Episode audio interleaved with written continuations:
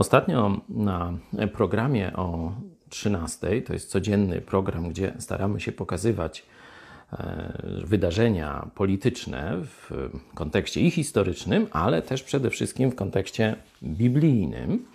Mówiłem o tym, że szczególnie e, ci z Was, którzy nie znają Biblii, mogliby i nawet nie wierzą w Boga, to nie przeszkadza przy czytaniu Biblii, to właśnie wiara rodzi się ze słuchania Słowa Bożego, żebyście rozpoczęli sobie od księgi przysłów. Dam Wam taki troszeczkę, kilka takich smaczków e, przez najbliższe dni, e, które myślę, że zachęcą Was do lektury. Oto na przykład 12 rozdział, werset 20, 25.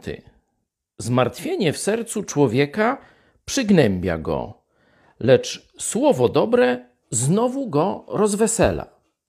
Tu na świecie masz pełno powodów do zmartwienia. Jak chcesz, możesz wybrać życie ciągłego niezadowolenia, narzekania, ale zobacz, że Słowo Boże mówi, że będziesz szedł w dół.